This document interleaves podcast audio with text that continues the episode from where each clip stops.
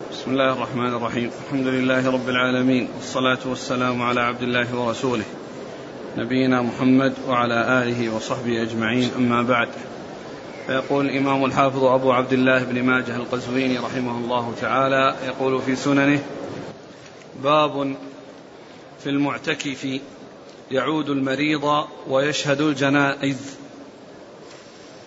قال حدثنا محمد بن رمح قال أخبرنا الليث بن سعد عن ابن شهاب عن عروة بن الزبير وعمرة بنت عبد الرحمن أن عائشة رضي الله عنها قالت إن كنت لأدخل البيت للحاجة والمريض فيه فما أسأل عنه إلا وأنا مارة.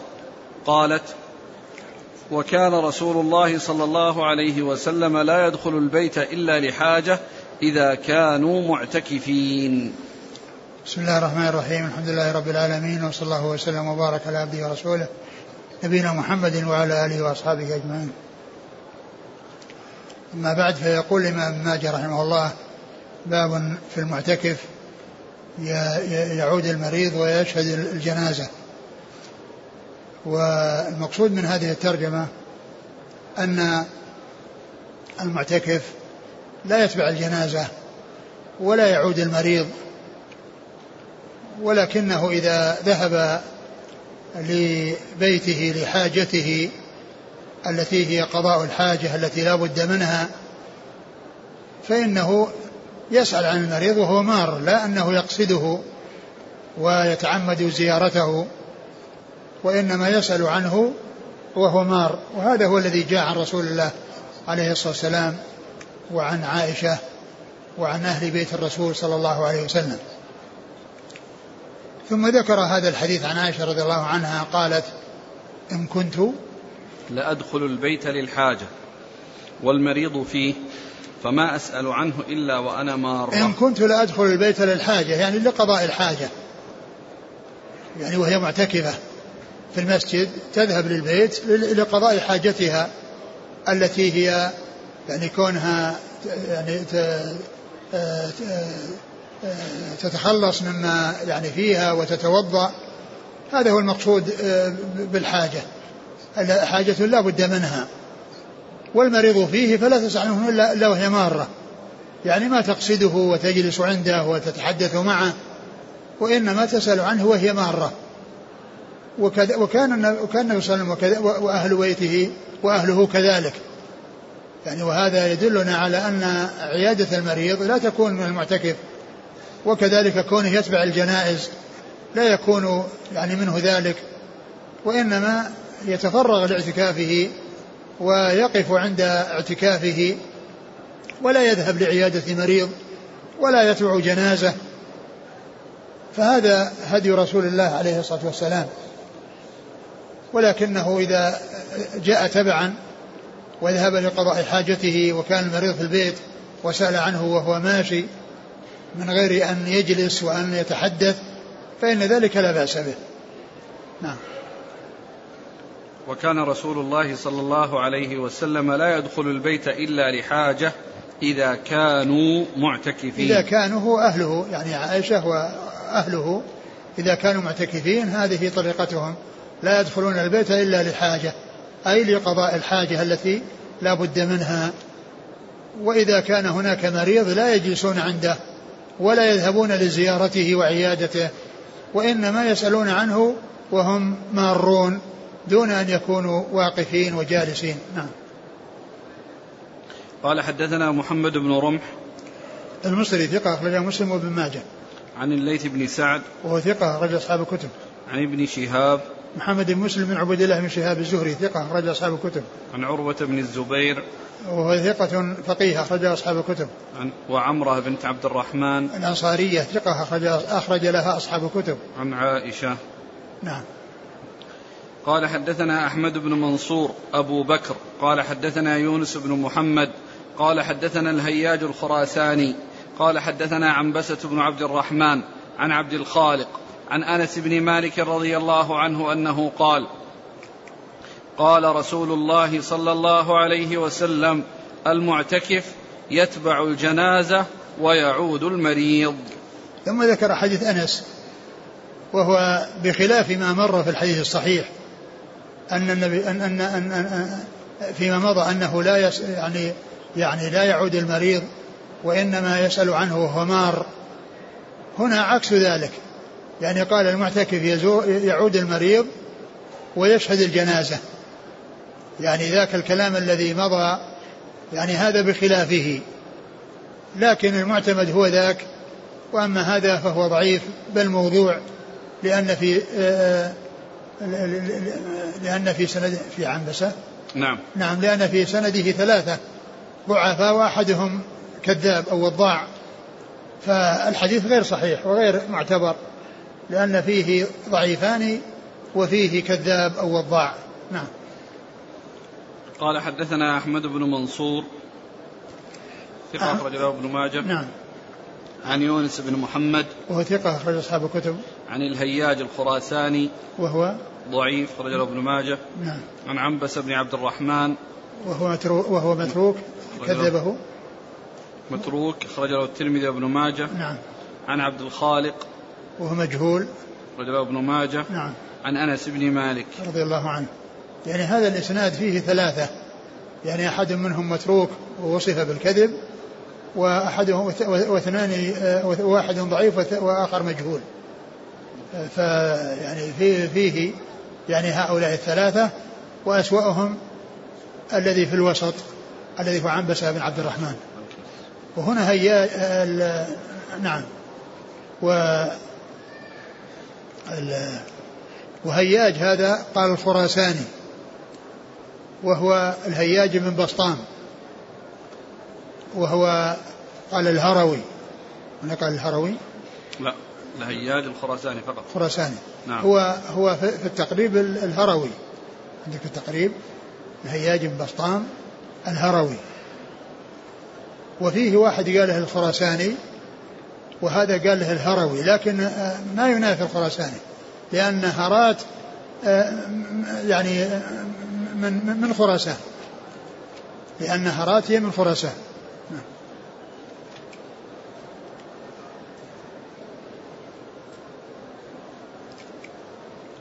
الأول هنا. الهيا هياج ابن بسام. أيوة بسام. العبسي الخراساني نزيل البصرة. هذا مقبول أخرجه البخاري المفرد. الأول إيه؟ هياج. هياج بن بسام. آه. العبسي الخراساني. نعم. نزيل البصرة. مقبول. نعم. أيوة. والثاني؟ هياج بن بسطام التميمي. أيوة. البرجمي. آه. أبو خالد الهروي. نعم. هو هذا. هو هذا البسطام ابن بسطام. هذا هو المقصود. وهو وهرات من خراسان. لأن يعني الأقاليم أو المدن التي تدخل تحت خراسان هي هرات ونيسابور وبلخ ويعني بلد الرابع يعني هذه يعني قواعد أو يعني بلاد أو مدن داخلة تحت خراسان. ومنها هرات فكلمة كونه يعني هنا قال الخراساني ويعني هو في التقريب قال الهروي ولم يقل الخراساني لا تنافي لأن النسبة إلى هرات نسبة خاصة. وخراسان نسبة عامة. نسبة عامة لأن هذه آه، عموم وخصوص في البلدان. كما أن هناك عموم وخصوص في الأنساب مثل ما يأتي أبو إسحاق السبيعي الهمداني. لأن همدان يعني نسبة عامة هو سبيع نسبة خاصة. وكذلك هنا الهروي نسبة خاصة وخراساني نسبة عامة. فلا تنافي بين كونه يقال له خراساني ويقال له هروي. هنا في التقريب ما قال الخراساني لكنه قال الهروي وهرات هي من أقاليم خراسان.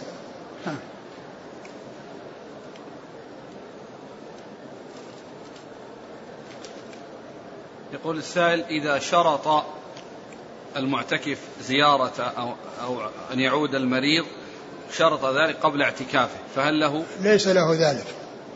لأنه إذا كان هذا يعني معناه الإنسان يشترط إذا كان أنه شغله أنه يشترط معناه أنه يشترط كل شيء. حتى يشترط يروح السوق يروح يشترط يروح للدكان. أشياء تنافي الاعتكاف. طيب هل يجوز الاتصال به إذا علم أن أحد أقاربه أو جيرانه مريض؟ الاتصال بالتلفون ما في بأس إن شاء الله.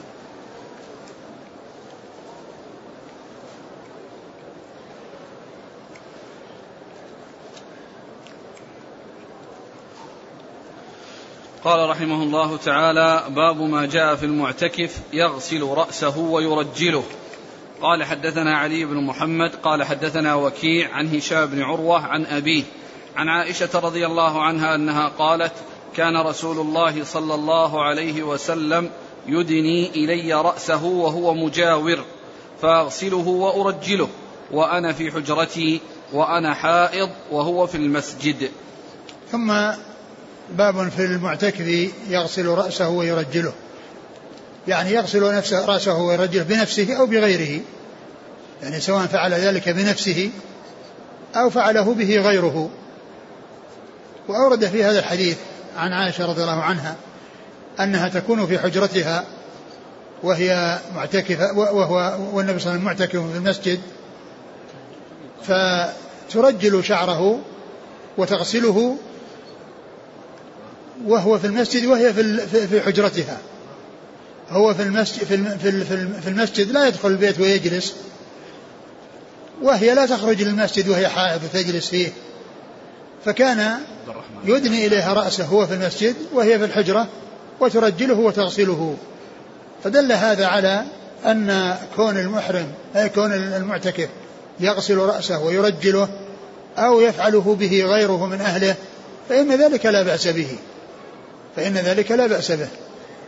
وفيه يعني يدل على أن يعني أن أن الحائض إذا أخرجت يدها إلى المسجد لا تكون خرجت وأن المعتكف إذا أدنى رأسه مع فرجة أو مع باب لا يكون خرج من المسجد ما دام أنه هو في المسجد ولكنه مد يده أو أخرج رأسه لا يقال أنه خرج من المسجد. وكذلك الحائض التي كانت في الحجرة إذا يعني آه، أخرجت رأسها أو مدت يدها وهي في الحجرة لا يقال إنها خرجت ودخلت في المسجد. فدل يعني دل هذا على أن مثل هذا العمل ليس فيه خروج من المعتكف يعني إلى إلى البيت لأنه ما دخل البيت وإن دخل رأسه أو يعني آه، أو يده أو يداه. وكذلك المرأة كونها في الحجرة فإذا أخرجت رأسها أو مدت يعني يديها لشخص في المسجد فإنه لا يعتبر خروج لا يعتبر دخول المسجد ولا يعتبر من كان في المسجد خرج إلى البيت ليرجل وليغسل رأسه وإنما يعني آه، الرسول صلى الله عليه وسلم ما كان يدخل البيت إلا لحاجة الإنسان ثم ينصرف. نعم. كان رسول الله صلى الله عليه وسلم يدني إلي رأسه وهو مجاور. مجاور يعني معتكف. فأغسله وأرجله وأنا في حجرتي وأنا حائض. نعم تغسله وترجله يعني تسرحه بالمشط. هذا هو الترجيل وهي في حجرتها وهي حائض وهو في المسجد. قال حدثنا علي بن محمد. الطنافسي ثقة أخرجه النسائي في مسند علي وابن ماجه. عن وكيع. بن الجراح الرؤاسي ثقة أخرج أصحاب الكتب. عن هشام بن عروة عن أبيه. هشام بن عروة ثقة أخرج أصحاب الكتب. عن, عن أبيه عن عائشة نعم. قال رحمه الله تعالى باب في المعتكف يزوره أهله في المسجد. قال حدثنا إبراهيم بن المنذر الحزامي. قال حدثنا عمر بن عثمان بن عمر بن موسى بن عبيد الله بن معمر عن أبيه. عن ابن شهاب قال أخبرني علي بن الحسين عن صفية بنت حيي رضي الله عنها. زوج النبي صلى الله عليه وسلم أنها جاءت إلى رسول الله صلى الله عليه وسلم تزوره وهو معتكف في المسجد في العشر الأواخر من شهر رمضان. فتحدثت عنده ساعة من العشاء ثم ثم قامت تنقلب. فقام معها رسول الله صلى الله عليه وسلم يقلبها حتى إذا بلغت باب المسجد الذي كان عند مسكن أم سلمة زوج النبي صلى الله عليه وسلم مر بهما رجلان من الأنصار. فسلما على رسول الله صلى الله عليه وسلم ثم نفذا. فقال لهما رسول الله صلى الله عليه وسلم على رسلكما إنها صفية بنت حيي. قال سبحان الله يا رسول الله وكبر عليهما ذلك. فقال رسول الله صلى الله عليه وسلم إن الشيطان يجري من ابن آدم مجرى الدم وإني خشيت أن يقذف في قلوبكما شيئا. ثم قال ابن ماجه رحمه الله باب المعتكف يزوره أهله يزوره أهله في المسجد. المعتكف يكون في المسجد ولأهله أن يزوروه. يعني زوجته تزوره وتجلس معه وتتحدث معه جاءت بذلك السنة عن رسول الله عليه الصلاة والسلام. كما جاء في حديث صفية بنت حيي رضي الله عنها أم المؤمنين حيث قالت أنها جاءت إلى النبي صلى الله عليه وسلم تزوره وهو في المسجد وهو معتكف فتحدثت معه ساعة. يعني ساعة من الزمان أو وقتا من الزمان وهي تتحدث معه. ثم إنه إنها قامت لتذهب إلى بيتها بعد هذه الزيارة للنبي عليه الصلاة والسلام فقام معها ليقربها يعني ليصاحبها بالانصراف حتى تصل إلى بيتها.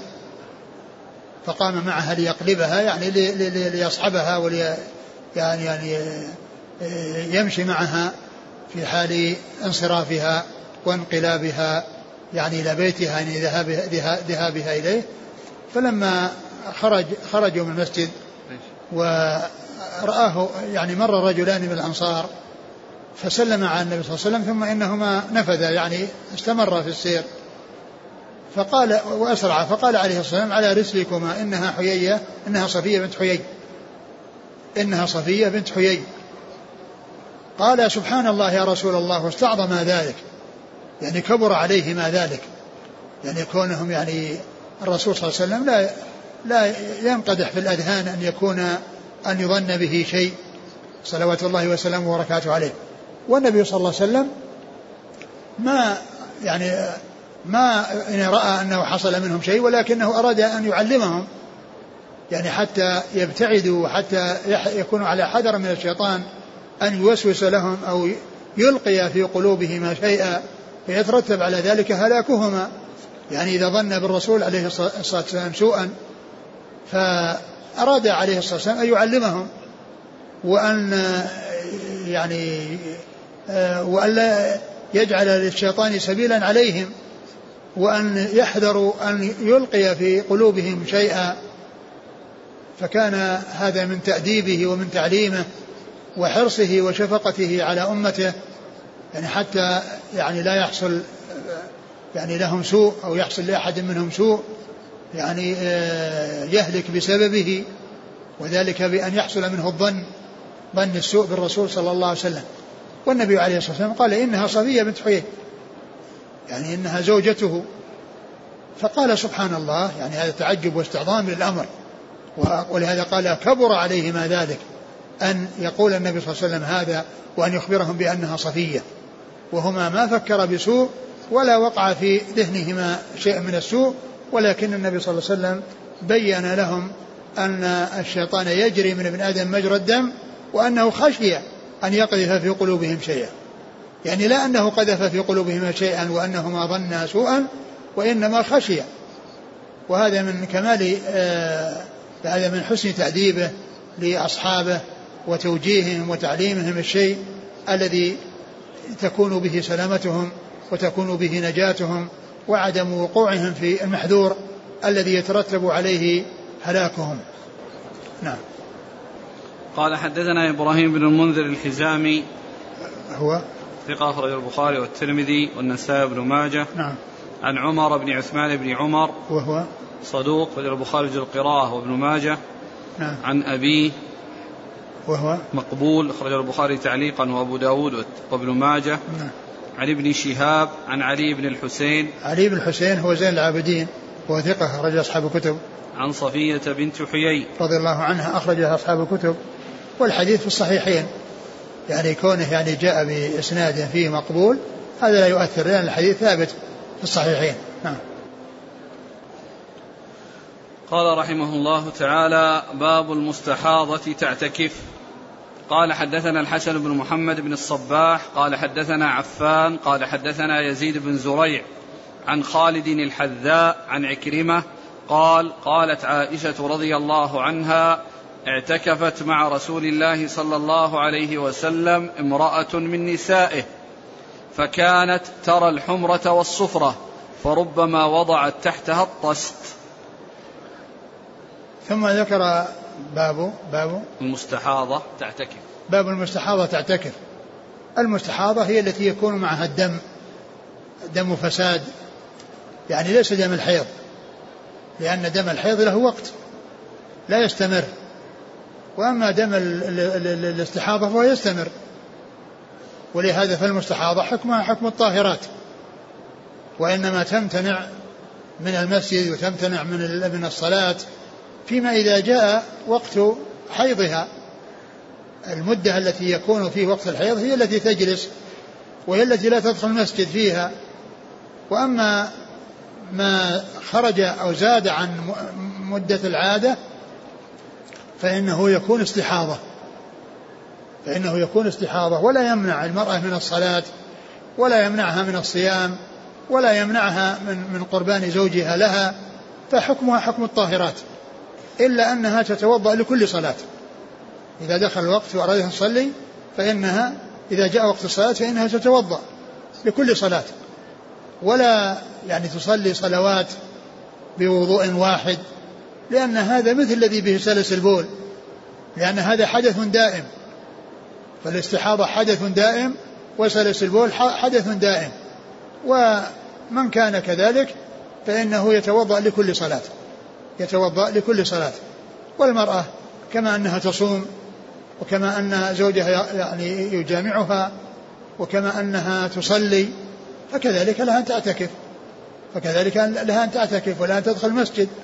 ولكنها تعمل الاحتياطات التي تمنع من من من سقوط أو نزول شيء من الدم إلى المسجد فتلوثه.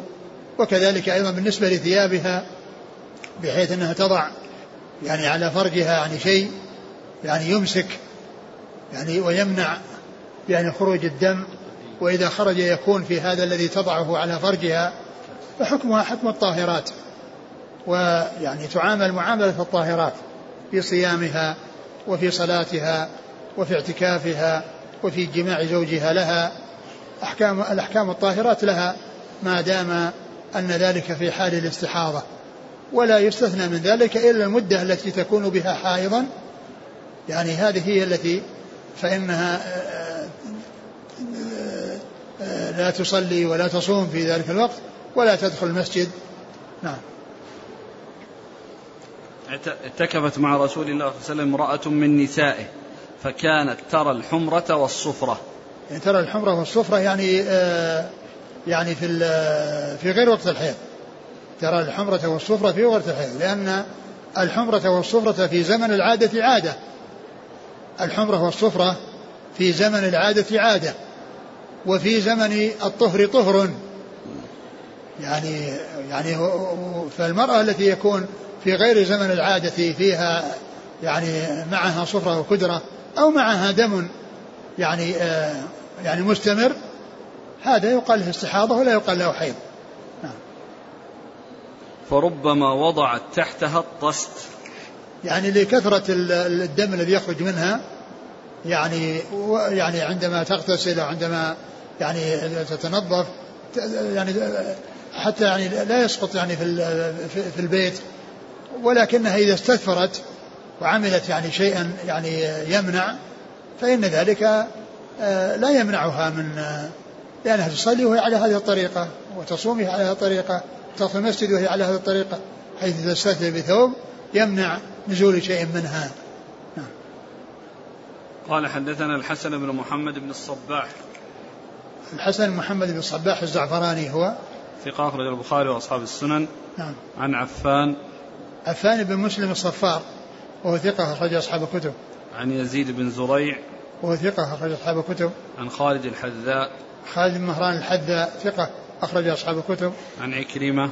مولى بن عباس ثقة أخرج أصحاب الكتب. عن عائشة. نعم.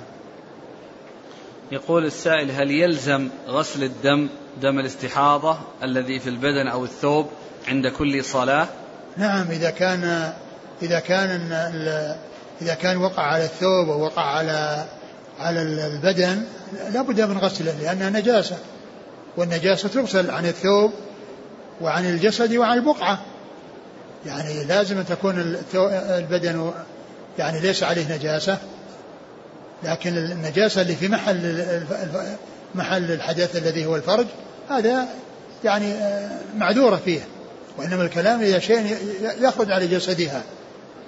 يعني أو كذلك على ثوبها لازم من غسله يعني الإنسان أو المرأة تصلي وثيابها طاهرة وجسدها طاهر إلا موضع الحدث.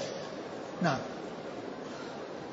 هنا تقول فكانت ترى الحمرة والصفرة فربما وضعت تحتها الطست. نعم يعني وهي معتكفة في المسجد؟ لا لا لا لا, لا ما تكون في المسجد أبدا.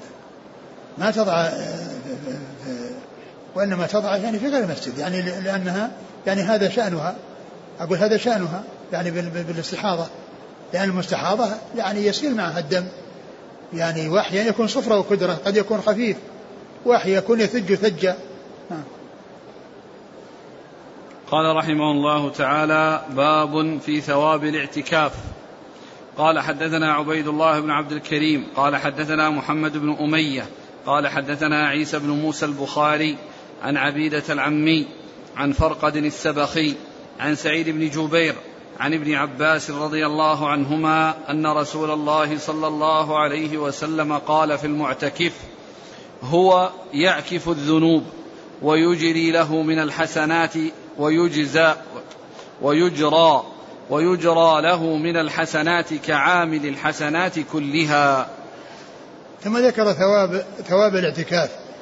الاعتكاف لا شك أنه قربة من القرب لكن ما نعلم يعني نص يدل على ثابت يدل على تعيين ثواب معين له ولكنه قربة من القرب التي يجزي الله عز وجل عليها ويثيب صاحبها عليها.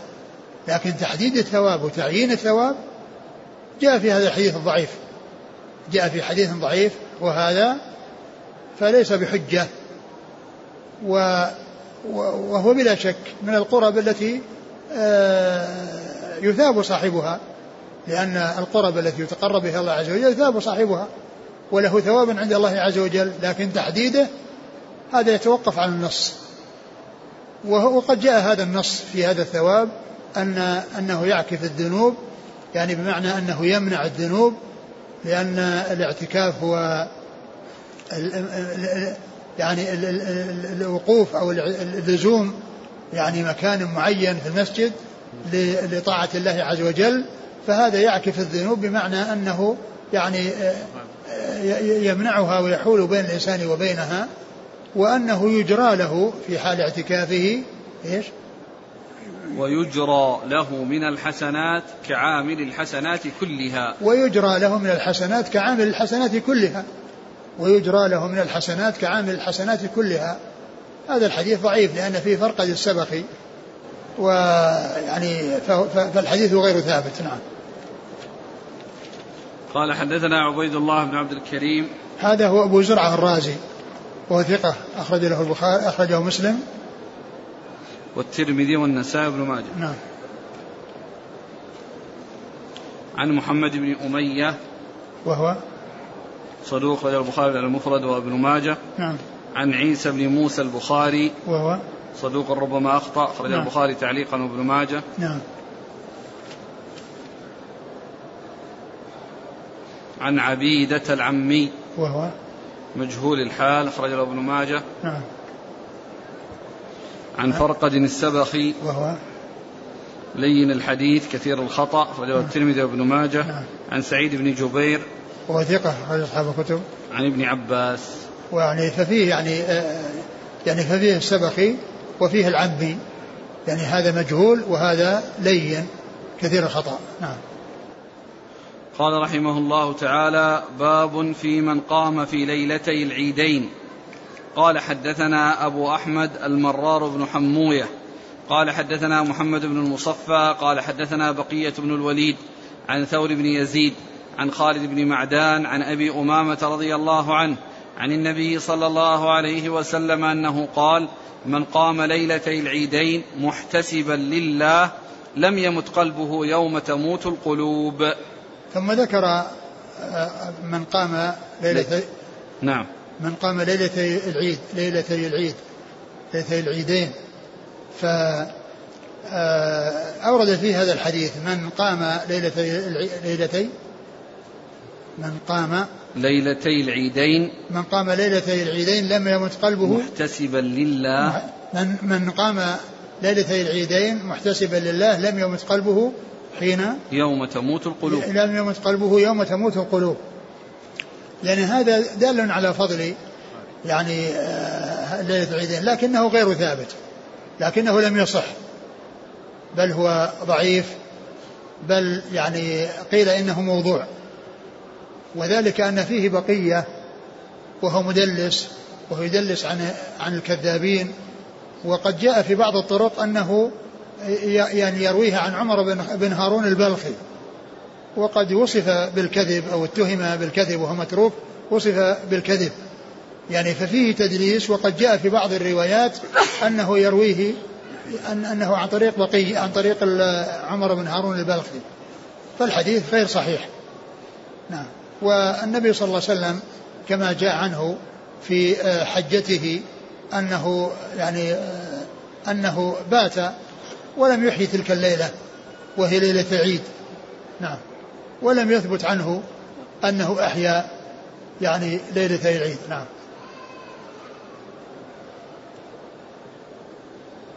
قال حدثنا أبو أحمد المرار بن حموية وهو ثقة أخرج له. البخاري وابن ماجه. نعم.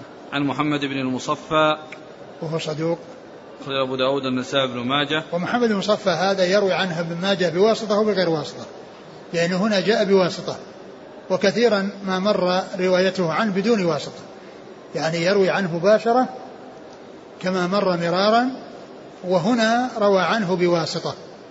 نعم. عن بقية بن الوليد. وهو صدوق أخرجه البخاري تعليقا ومسلم وأصحاب السنن. عن ثور بن يزيد. وهو ثقة أخرج البخاري وأصحاب السنن. نعم. عن خالد بن معدان. ثقة أخرج أصحاب الكتب. عن أبي أمامة. سدي بن عجلان الباهلي رضي الله عنه أخرج له أصحاب الكتب. قال رحمه الله تعالى كتاب الزكاة باب فرض الزكاة. قال حدثنا علي بن محمد قال حدثنا وكيع بن الجراح قال حدثنا زكريا بن إسحاق المكي عن يحيى بن عبد الله بن صيفي عن أبي معبد عن أبي معبد مولى بن عباس. عن ابن عباس رضي الله عنهما أن النبي صلى الله عليه وسلم بعث معاذا رضي الله عنه إلى اليمن فقال إنك تأتي قوما أهل كتاب فادعهم إلى شهادة أن لا إله إلا الله وأني رسول الله. فإنهم أطاعوا لذلك فأعلمهم أن الله افترض عليهم خمس صلوات في كل يوم وليلة. فإنهم أطاعوا لك فإنهم أطاعوا لذلك فاعلمهم أن الله افترض عليهم صدقة في أموالهم تؤخذ من أغنيائهم فترد في فقرائهم. فإنهم أطاعوا لذلك فإياك وكرائم أموالهم. واتق دعوة المظلوم فإنها ليس بينها وبين الله حجاب. ثم ان ابن ماجه قال بعد أن فرغ من كتاب الصيام قال كتاب الزكاة. وهذا على خلاف المعهود كما ذكرت عند بدء عند عند بدء كتاب الصيام أن ابن ماجه يعني خالف الطريقة التي مشى عليها المحدثون والفقهاء. يعني حيث يبدأون بالزكاة يعني بعد الصلاة ويأتون بعد الزكاة بالصيام. هنا ابن ماجه رحمه الله قدم الصيام على الزكاة. وأخر الحج كما عرفنا إلى أبواب كثيرة بعد النكاح والطلاق وكتب أخرى متعددة. وهذا يخالف ما يعني مشى عليه العلماء من المحدثين والفقهاء. فإن الذي مشوا عليه أنه يؤتى بعد الطهارة التي هي مفتاح الصلاة يؤتى بالصلاة يؤتى بالصلاة بعد الطهارة بالصلاة ثم بعد الصلاة الزكاة ثم بعد الزكاة الصيام ثم بعد الصيام الحج. هذه الطريقة التي مشوا عليها. والبخاري كما ذكرت قدم الحج على الصيام لأنه لما بدأ بكتاب الإيمان صدره بحديث ابن عمر الذي فيه تقديم الحج على الصيام. ثم ساق الأبواب بناء على هذا الترتيب الذي جاء في الحديث فقدم الحج على الصيام. وأما تقديم الزكاة تقديم الصوم على الزكاة فهذا هو الذي جاء عند ابن ماجه. جاء عن ابن ماجه تقديم الصوم على الزكاة. يعني خلاف الأصل لأن الزكاة هي قرينة الصلاة. والله تعالى يجمع بين الصلاة والزكاة يعني في آيات كثيرة وكذلك في حديث الرسول صلى الله عليه وسلم في أحاديث عديدة. يقرن الله بين الصلاة والزكاة.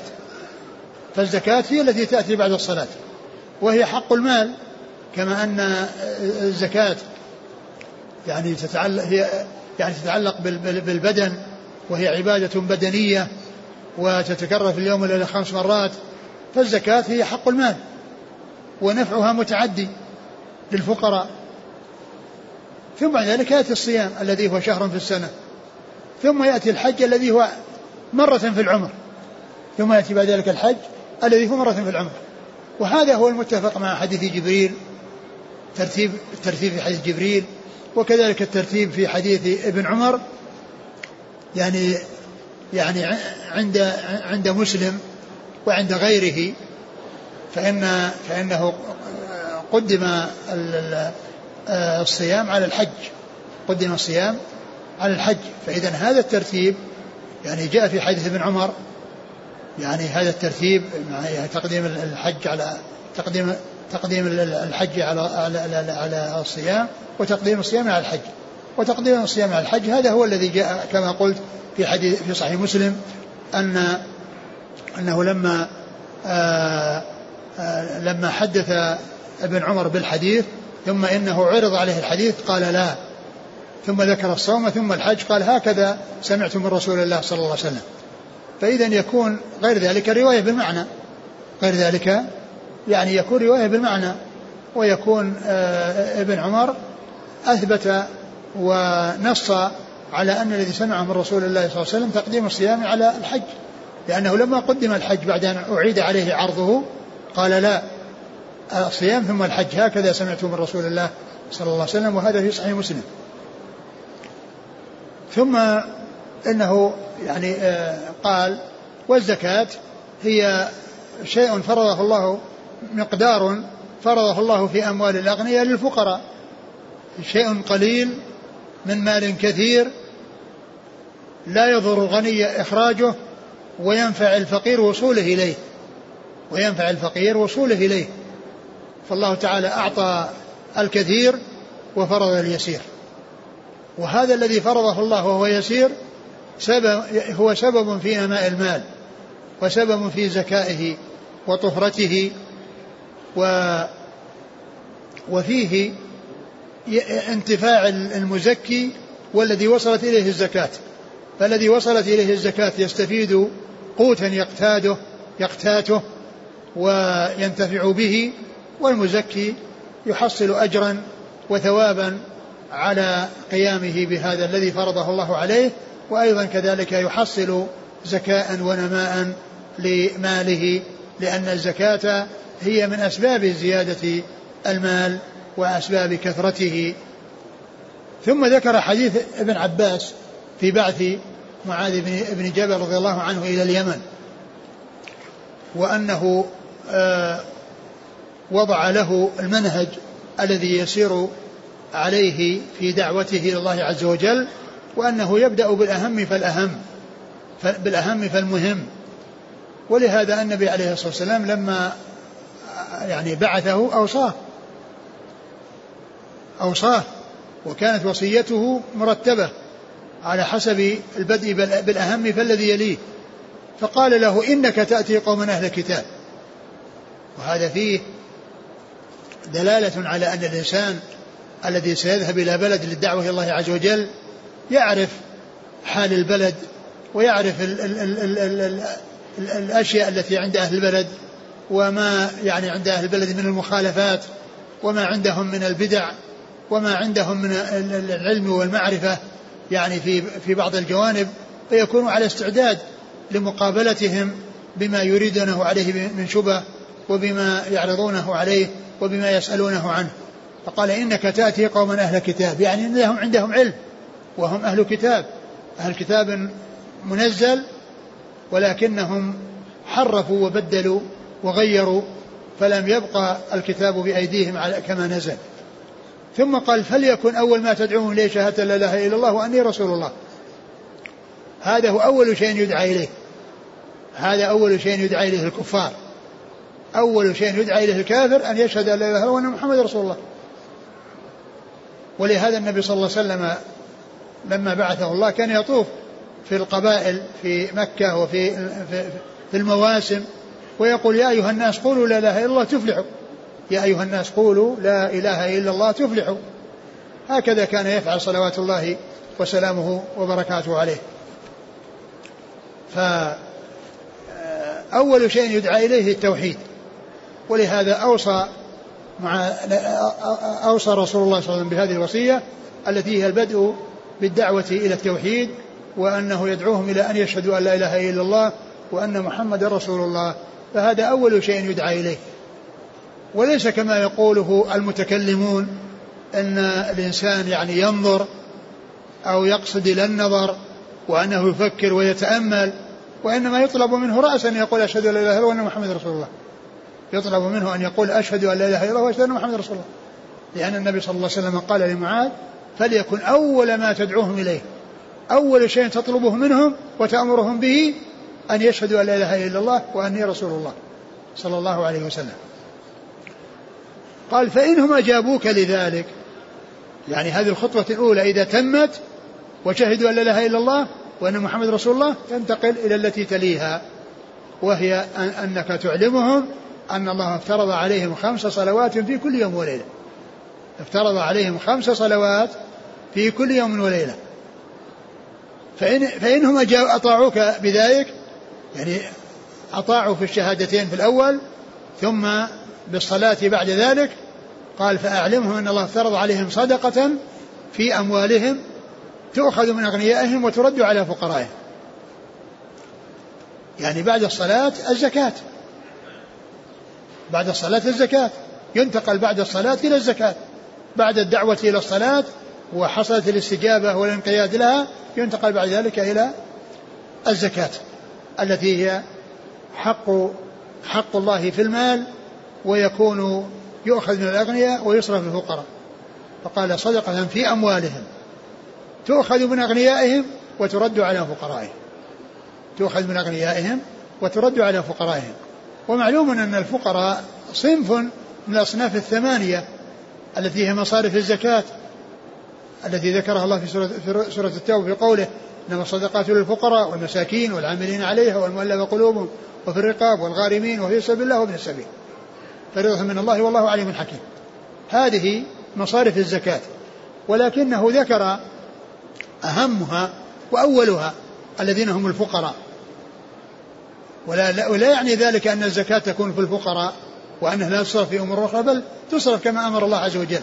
ولكن أولى الناس بمصارف أو أولى المصارف هم الفقراء. والفقراء جاء ذكرهم في آية قسمة الصدقات مع المساكين. فصار هناك فقراء ومساكين. وهنا جاء قال فقرائهم ما قال ومساكينهم؟ وهذا هذان اللفظان الذين هم الفقراء والمساكين من الألفاظ التي إذا جمع بينها في الذكر قسم المعنى بينها بينهما. وإذا انفرد أحدهما شمل المعنيين. فعند الجمع بين الفقراء والمساكين يحمل الفقير على أنه الذي لا يجد شيئا أصلا. على أنه الذي ليس عنده شيء. معدم ما عنده شيء. والمسكين الذي عنده شيء ولكنه لا يكفيه.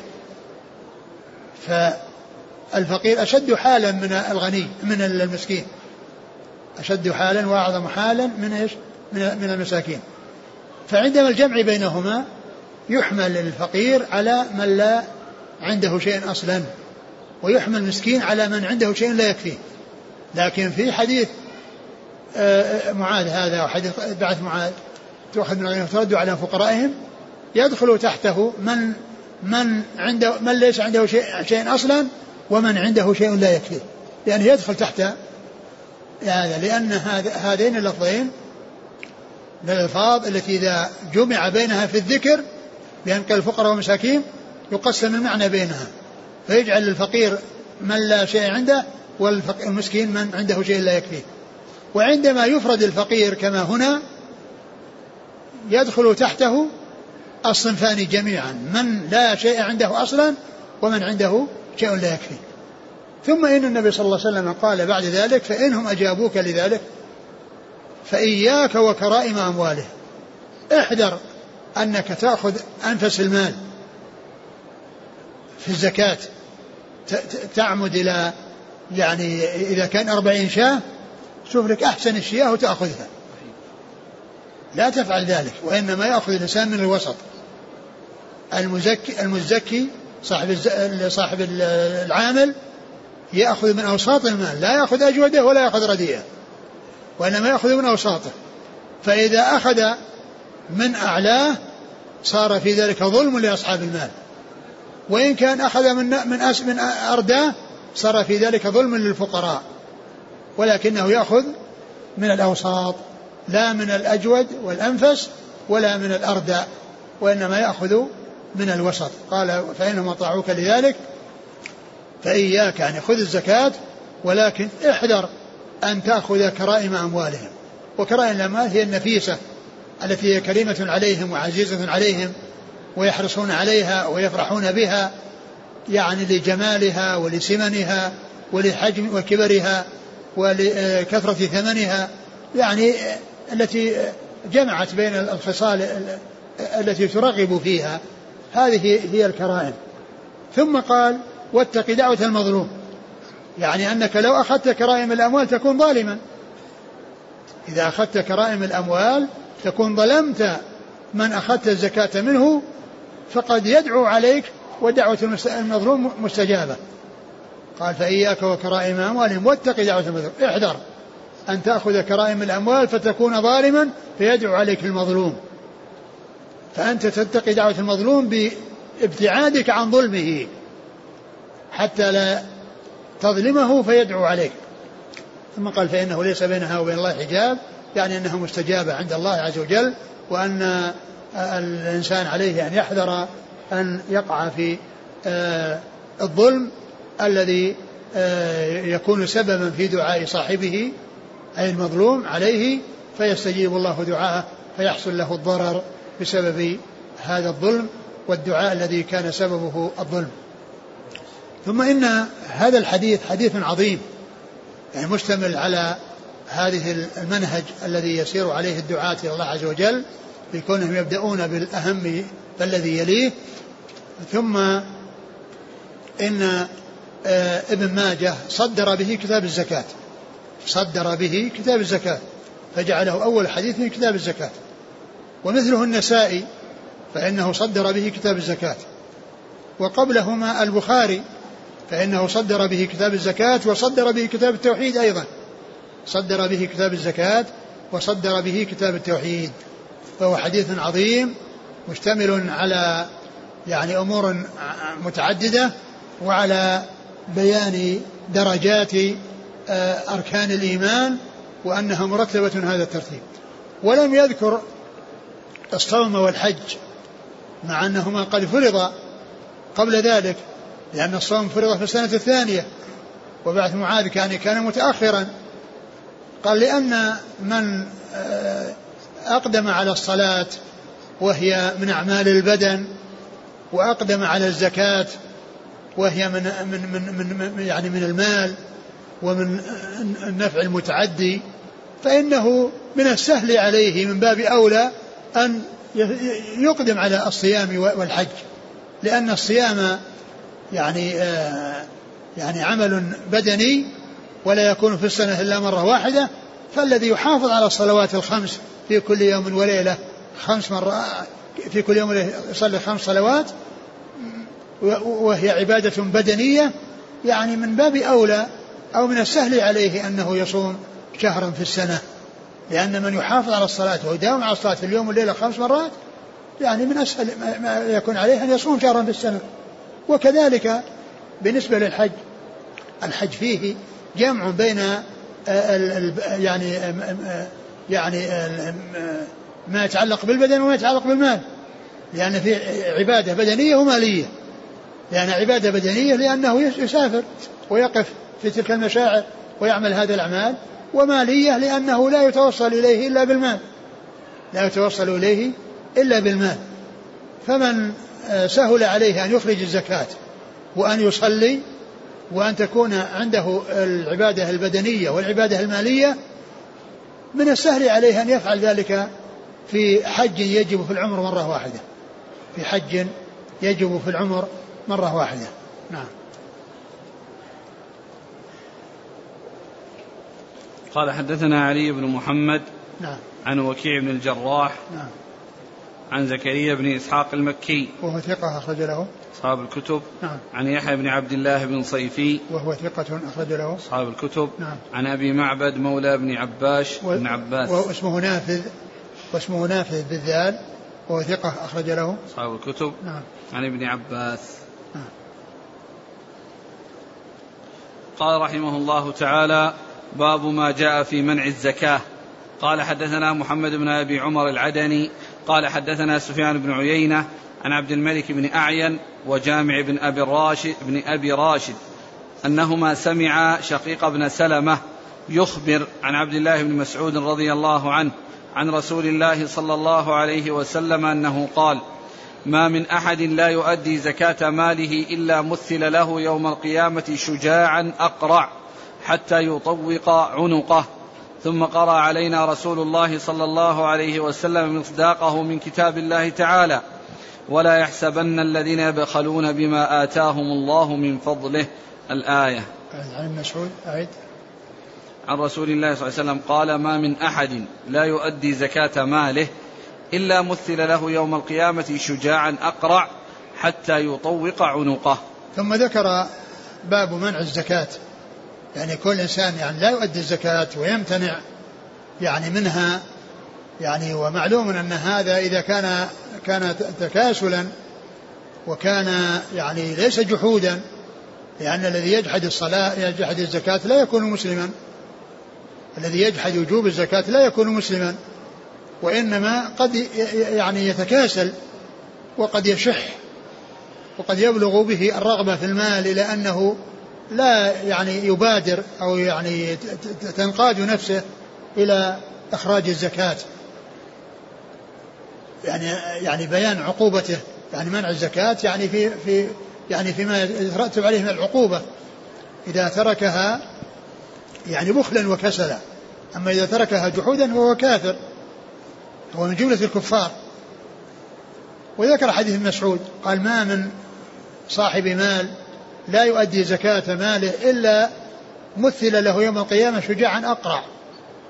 يعني شجاع يعني حية غليظة عظيمة أقرع يعني يعني آه، ليس عليه آه، رأس شعره آه، قد ذهب من شدة السم الذي في رأسه. من شدة السم يعني ذهب شعر رأسه فصار أقرع. ليس عليه شعر.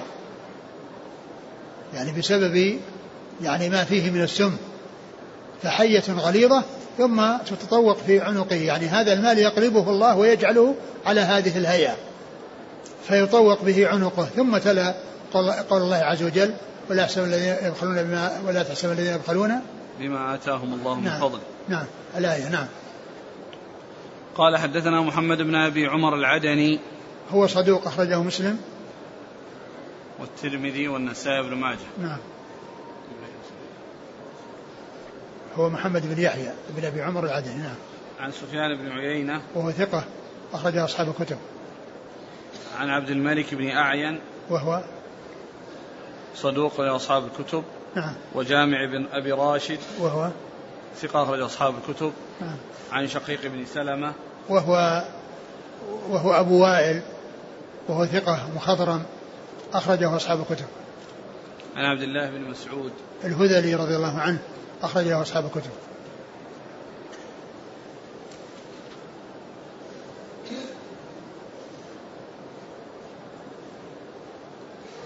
قال حدثنا علي بن محمد قال حدثنا وكيع عن الأعمش عن المعرور بن سويد.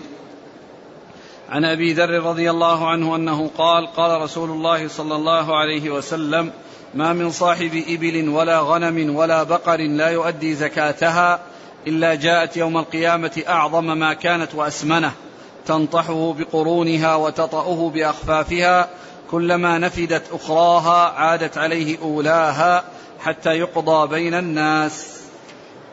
ثم ذكر هذا الحديث عن أبي ذر. عن أبي ذر رضي الله عنه أنه قال ما من صاحب إبل ولا بقر ولا غنم لا يؤدي زكاتها إلا جاءت يوم القيامة أوفر ما تكون يعني يعني أوفر ما تكون يعني أكثر ما تكون وأسمن ما تكون تطأه بأخفافها وتنطحه بقرونها. وتنطحه بقرونها. إذا نفدت أخراها رد عليه أولاها. يعني أنها تتكرر. فتأتي من أولها حتى ينتهي آخرها. فإذا انتهى الآخر جاء الأول من جديد. حتى ينتهي مرة أخرى. حتى يقضى بين العباد. يعني حتى يقضى بين العباد. يعني يكون هذا عقوبته يعني قبل أن يقضى بين العباد بأن تطأه. الحديث يدل على أن يعني مانع الزكاة الذي منعها تكاسلا وتهاونا أنه يعذب بتلك الدواب التي لم يؤدي زكاتها بأن يؤتى بها يوم القيامة ويبطح لها بقاع فتمر عليه يبدأ أولها حتى ينتهي آخرها ثم إذا نفد آخرها وانتهى بدأت من جديد فرد عليه أولاها حتى تصل أخراها ثم هكذا حتى يقضى بين الناس. وجاء في بعض الروايات في الحديث في, في هذا يعني في الحديث فيرى سبيله إما إلى الجنة وإما إلى النار. وهذا الذي هذا الذي يدل على أن من ترك أن من لم يؤدي الزكاة تهاونا أنه لا يكفر. لأنه قال حتى يرى سبيله إما إلى الجنة وإما إلى النار. لأن الكافر لا يمكن له سبيل الجنة. ليس أمامه إلا النار. لكن لما قال الرسول صلى الله عليه وسلم في مانع الزكاة يعني تكاسلا يعني حتى يرى سبيله إما إلى الجنة وإما إلى النار دل على أنه غير كافر. لأن هذا لأن من من من له سبيل إلى الجنة هذا لا يكون كافرا. وإنما الكافر ليس أمامه إلا النار ولا سبيل له إلى الجنة. نعم. قال حدثنا علي بن محمد عن وكيع عن الأعمش. سليمان بن مهران الكاهلي ثقة أخرج أصحاب الكتب. عن المعرور بن السويد. وهو ثقة مخضرا أخرج أصحاب الكتب. عن أبي ذر. أبو ذر رضي الله عنه وهو جندب بن جنادة أخرج أصحاب الكتب. قال حدثنا أبو مروان محمد بن عثمان العثماني قال حدثنا عبد العزيز بن أبي حازم عن العلاء بن عبد الرحمن عن أبيه عن أبي هريرة رضي الله عنه أن رسول الله صلى الله عليه وعلى آله وسلم قال تأتي الإبل التي لم تعطي الحق منها لم تعطي الحق منها. تطأ صاحبها بأخفافها وتأتي البقر والغنم تطأ صاحبها بأظلافها وتنطحه بقرونها. ويأتي الكنز شجاعا أقرع فيلقى صاحبه يوم القيامة فيفر منه صاحبه مرتين ثم يستقبله فيفر فيقول ما لي, و ما لي ولك فيقول أنا كنزك أنا كنزك فيتقيه بيده فيلقمها. ثم ذكر هذا الحديث عن عن أبي هريرة رضي الله عنه أنه قال ما من؟ تأتي الإبل نعم. التي لم تعطي الحق منها. يعني تأتي الإبل التي لم يعطي صاحبها الحق منها فتطأ آه، آه، صاحبها بأخفافها وتأتي البقر والغنم التي لم يعطى الحق منها فتنطحه بقرونها وتطأه بأضلافها ويأتي الكنز.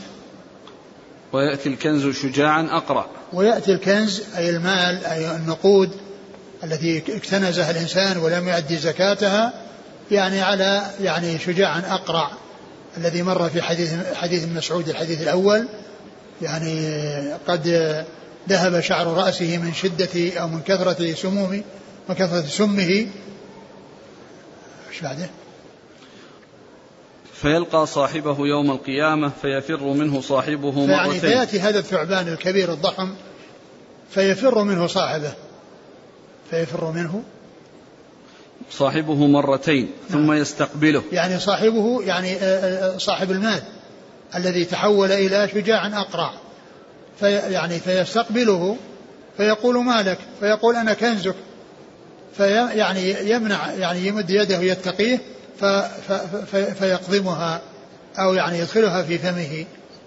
نعم. قال حدثنا أبو مروان محمد بن عثمان العثماني. هو؟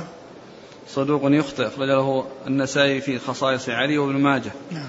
عن عبد العزيز بن أبي حازم. وهو؟ صدوق لأصحاب الكتب. نعم. عن العلاء بن عبد الرحمن. وهو صدوق أخرج البخاري في جزء القراءة ومسلم وأصحاب السنن. عن أبيه. وهو ثقة أخرجه البخاري في جزء القراءة ومسلم وأصحاب السنن.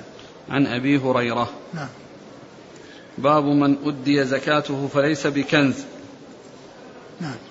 قال حدثنا كم حديث؟ فيه؟ ثلاث أحاديث والله تعالى أعلم وصلى الله وسلم وبارك على عبده ورسوله نبينا محمد وعلى آله وأصحابه أجمعين.